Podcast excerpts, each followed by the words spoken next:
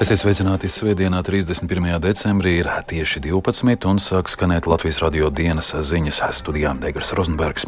Daži temati, kas izskanēs turpmākajās minūtēs. Krievija veikusi kārtējo uzbrukumu Ukrainai. Schengens zonā marta beigās iekļaus Bulgārijas un Rumānijas jūras ostas un lidostas. Aizvadītais gads pašmāju turismā labs, bet aizvien tālu no pirms Covid rādītājiem.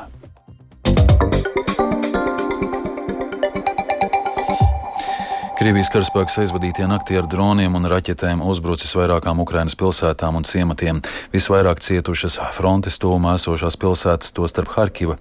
Tur vairākās sākās izcelšies ugunsgrēki, ievainot vismaz 28 cilvēki. Savukārt Ņujorkā notikusi Ukrainas karam veltīta ANO drošības padomjas ārkārtas sēde. Jaunāko informāciju apkopojas mūsu Briseles korespondents Arķoms Konhovs. Ukraina aizvadītajā naktī ir piedzīvojusi ievērojumu Krievijas dronu uzbrukumu. Ukrainas armija apgalvo, ka tai ir izdevies iznīcināt 21 no Krievijas palaistajiem 49 droniem. Tie visi ir ražoti Irānā. Pārsvarā uzbrukumi tika vērsti pret frontes un Krievijas robežas tuvumā esošajiem objektiem, tostarp pret Helsonas, Harkivas, Mikolājevas un Zaporīžas apgabalu. Harkivā ir bojātas vairākas ēkas pilsētas centrā, tostarp kafejnīcas, dzīvojamās mājas un biroji. Tāpat ir cietas arī pilsētas ūdensvads. Krievijas armija uzbruka Harkivai ne tikai ar droniem, bet arī ar raķetēm, kas trāpīja pilsētas centram. No tā cieta vismaz 28 cilvēki. Savukārt Kīvas apgabalā ir izcēlies ugunsgrēks kādā kritiskās infrastruktūras objektā. Vietējās amatpersonas vēsta, ka ugunsgrēks sākās tādēļ, ka objektam uzkrita notriektā drona atlūzas. Uguni ātri izdevās nodzēst, un neviens cilvēks neesot cietis. Vairākas privātmājas ir cietušas arī Ukrainas dienvidos, Helsonas apgabalā. Savukārt Odesā notriektā drona atlūzas ir izraisījušas ugunsgrēku jūras krasta tuvumā, kas arī ir ātri nodzēsts. Kā zināms, dienu iepriekš Ukrainas spēki apšaudīja Krievijas pierobežas pilsētu Belgradu. Krievijas varas iestādes apgalvo, ka sprādziens Belgradas centrā ir nogalinājis 21 cilvēku, vēl 110 ir ievainoti. Belgoroda atrodas tikai aptuveni pusstundas brauciena attālumā no robežas ar Ukrainu. Šī pilsēta Krievijas armijai ir nozīmīgs loģistikas centrs. Ukraina jau iepriekš vairāk kārt ir apšaudījusi Belgradu. Šoreiz Ukrainas spēki apšaudīja šo pierobežas pilsētu pēc tam, kad Krievija veica vienu no pēdējā laika lielākajiem raķešu un dronu uzbrukumiem dažādām Ukrainas vietām. Tā laikā Ukrainā tika nogalināts 41 cilvēks. Krievijas aizsardzības ministrija paziņoja, ka uzbrukums Belgradai nepaliks bez atbildes. Turpretī Lielbritānijas vēstnieks ANO Tomas Filips ir atbildējis, ka gadījumā, ja Krievija vēlas kādu vainot par savu iedzīvotāju nāvi šajā karā, tad tai vajadzētu sākt ar Vladimiru Putinu, kurš nolēma uzbrukt Ukrainai. Jāpiebilst, ka Ukrainas varas iestādes oficiāli neatzīst uzbrukumu Belgradai. Arī iepriekš tās nav plaši komentējušas līdzīgas darbības. Īpaši sasauktajā ANO drošības padomes sēdē Ņujorkā kārtējo reizi izskanēja nosodījums Krievijas iebrukumam Ukrainā. Organizācijas ģenerālsekretāra vietnieks Halets Hjāri sacīja, ka Ukrainas iedzīvotājiem jau atkal nākas pavadīt svētkus bumbu patvērtnēs, attīrot grūvešus un apglabājot mirušos. Arcums Konahaus Latvijas Rādio Briselē. Schengenas zonā nākamā gada 31. martā iekļaus Bulgārijas un Rumānijas jūras ostas un lidostas. Tā paziņojusi Eiropas Savienības prezidējošā valsts Spānija. Savukārt lēmums par kontrolas pārtraukšanu uz abu valstu sauszemes robežām atlikts līdz sarunām nākamgad. Bulgārija, Rumānija, Īrija un Kipra ir vienīgās Eiropas Savienības valstis, kas nav Schengenas zonas dalībnieces, bet zonā ir ārpus bloka esošās Islande, Norvēģija, Šveica un Lihtenšteina. Pret Bulgārijas un Rumānijas uzņemšanu Schengenas zonā kā līdz šim iebilda Austrija, taču ceturtdien šīs trīs valstis vienojās par zonas paplašināšanu, ietverot Bulgārijas un Rumānijas gaisa un jūras robežas.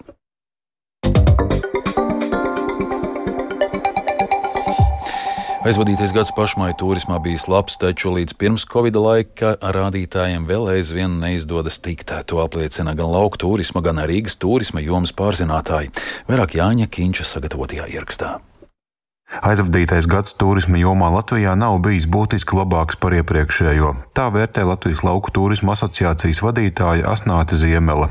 Viņa apzinājusi daudzu viesmīlības nozares pārstāvju atziņas par šo gadu. Aizvien nākas vairāk paļauties uz vietējiem klientiem un viesiem no pārējām Baltijas valstīm, taču tālāko ārvalstu viesu plūsmas atjaunošanā Latvijā vēl ir priekšā. Gads ir bijis tāds kā iepriekšējais, kas nav slikts gads, bet um, ļoti ir pieaugušas izmaksas. Cenas viņi baidās celt, jo nav to ārzemju klientu un pašmāju cilvēkiem naudas apjoms ne pieaug, vismaz atpūtas tēriņiem, un viņi līdz ar to maz vai nemaz ceļ cenas. Maksimums ir bijusi 10%, un pārsvarā ir mm, pieaugušas cenas ēdināšanas pakalpojumiem. Un līdz ar to viņiem bijis ir um, lielāks apgrozījums, visiem ir bijis lielāks apgrozījums, bet mazāka pēļņa. Šā gada laikā atpūtas kompleksos bijis mazāka kāzu svinību, bet, piemēram, vairāk nometņu bērniem, tajā skaitā no Lietuvas, Igaunijas, Polijas. Rezervāciju vietējiem turistiem ārpus vasaras sezonas bijis mazāk. Vienlaikus par lauku turismu attīstību liecina aizvien jaunu viesu namu un dzīvokļu atvēršana, īpaši kurzemē jūras piekrastē. Nozarē strādājošajiem ir celtas algas. Tomēr nosacīts normālāks darbs sagaidāms, uzņemot vairāk ārvalstu viesu, vēlreiz atkārto Asnāta Ziemela. Viņi nosauc vēl igauņu somu, lietuviešu poļu ārzemnieki, kas ir laukos šogad. Ir arī pa kādam vācietim, nīderlandietim. Vidējais nakšu skaits ir pieaudzis. Tie, kas drosmīgi ir atbraukuši, tad nu viņi paliek vairāk. Bet, principā, ārzemnieku ir daudz mazāk, tad daudz saka, ka vispār nav. Un um, kopš um, beidzās Covid, tiem nēsošie ārzemnieki un mūsējie, kas var braukt arī uz ārzemēm, nu, tad tā konkurence ir diezgan sīva, jā. Norises vietējā turisma nozarē atspoguļo arī oficiālā statistika. Šā gada desmit mēnešos Latvijas turistu mītnēs apkalpota 2,1 miljonus ārvalstu un vietējo viesu, kas ir teju par 12% vairāk nekā desmit mēnešos 2022. gadā. Bet tas bijis par gandrīz 15% mazāk nekā šajā laikā 2019. gadā, pirms Covid pandēmijas. To apliecina centrālās statistikas pārvaldes apkopotie dati. Turismu uzrāviens galvaspilsētā bijis straujāks. Ārvalstu viesu bijuši ap 29% vairāk nekā pirms gada. Būtisku lomu spēlējušas tādas norises kā pasaules čempionāts hokejā, dziesmu un deju svētki, kā arī pozitīvs festivāls, atzīmē Librīga turismu pārvaldes vadītāja Ieva Lasmane.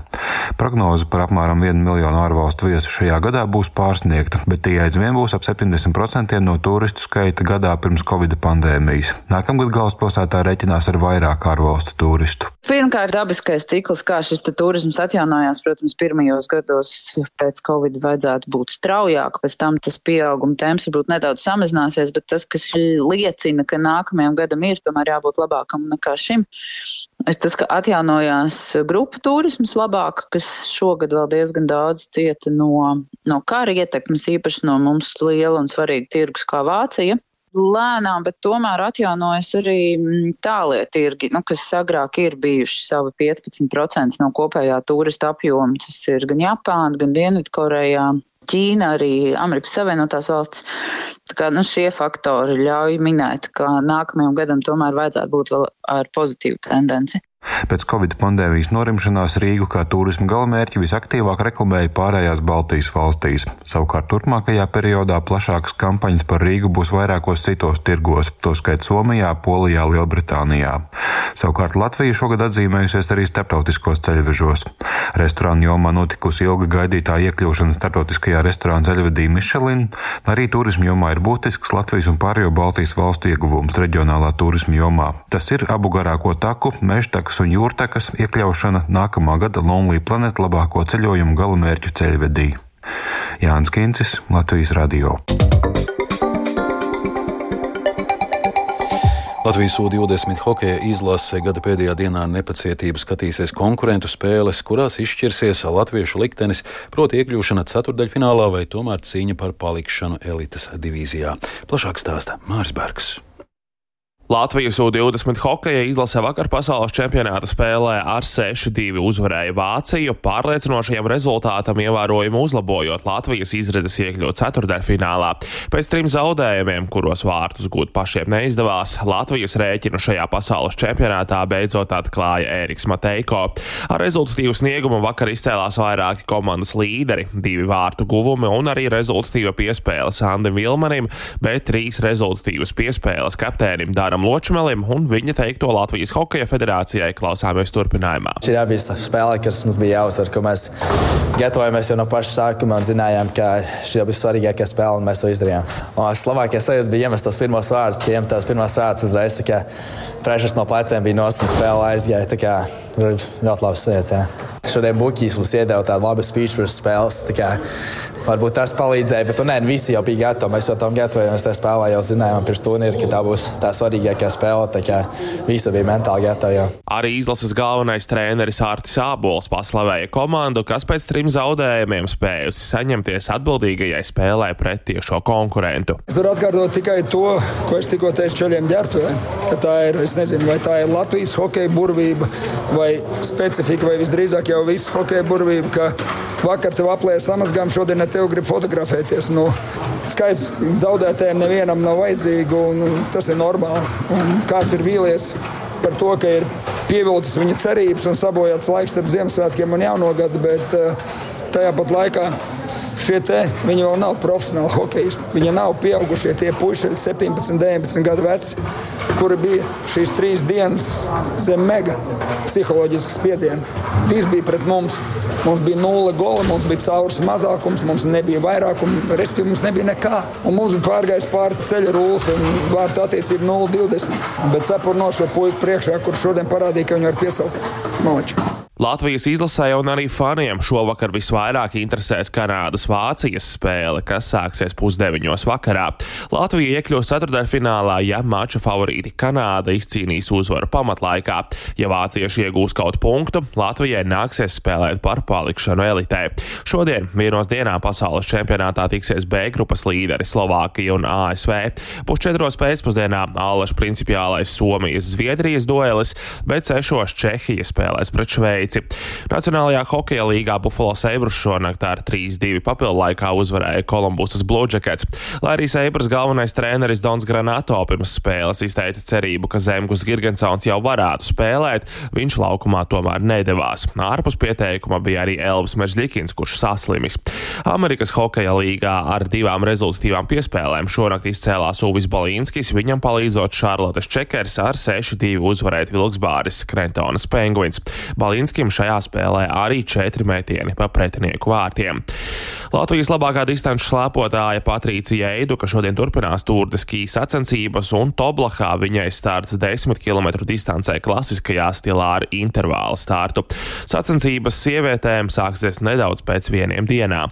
Aļona Stapenko sezonas pirmajā mačā tiksies ar Itālijas tenisisti Kamilu Džordžiju, kura šodien pirmās kārtas mačā Austrālijas pilsētā Brisbanā uzvarēja amerikānieti Peitoni Stēns. Ostapenko Brisbanā ir izsētās tenisistes statusā, un tāpēc viņa turnīru sāk no otrās kārtas. Austrālijas galvaspilsētā Kamberā tikmēr sācies WTA 125 punktu, jeb zemākā līmeņa WTA turnīrs. Tajā Latvijas otrā rakete Darja Semaņistaja šorīt ar 3-6, 4-6 zaudēja mājiniecei Kēlē Makfī. Par sportu šobrīd man tas arī viss. Izskan Latvijas radio dienas ziņas, producents Viktors Pupīks, ierakstus montēja Uldis Grīnbergs par labskaņu rūpējās Iveta Zvēniece, studijā Egars Ruzenbergs vēlreiz īsumā par svarīgāko. Krievija veikus kārtīju uzbrukumu Ukrainai, Schengenas zonā marta beigās iekļos Bulgārijas un Rumānijas jūras ostas un lidostas. Aizvadītais gads pašmāju turismā labs, bet aizvien tālu no pirms Covid rādītājiem. Vēl tikai par laikapstākļiem. Yeah. Galvaspilsētas centrā 0 grādu pūš lēns ziemeļu vējš, atmosfēras spiediens 763 mm, relatīvais gaisa mitrums 85%. Sinoptiķi prognozē, ka šodien Latvijā gaidāms mākoņdienas laiks pēcpusdienā vietām skaidrosies, šur tur neliels sniegs, slapjš sniegs, atsevišķos posmos būs slideni ceļi, pūtīs lēns vējš, gaisa temperatūra dienvidos - 1,3, ziemeļos 0,5 grādi. Rīgā būs lielākoties mākoņdienas laiks bez būtiskiem nokrišņiem, lēns vējš, gaisa temperatūra ap nulli, laika prognoze otrā labvēlīgā.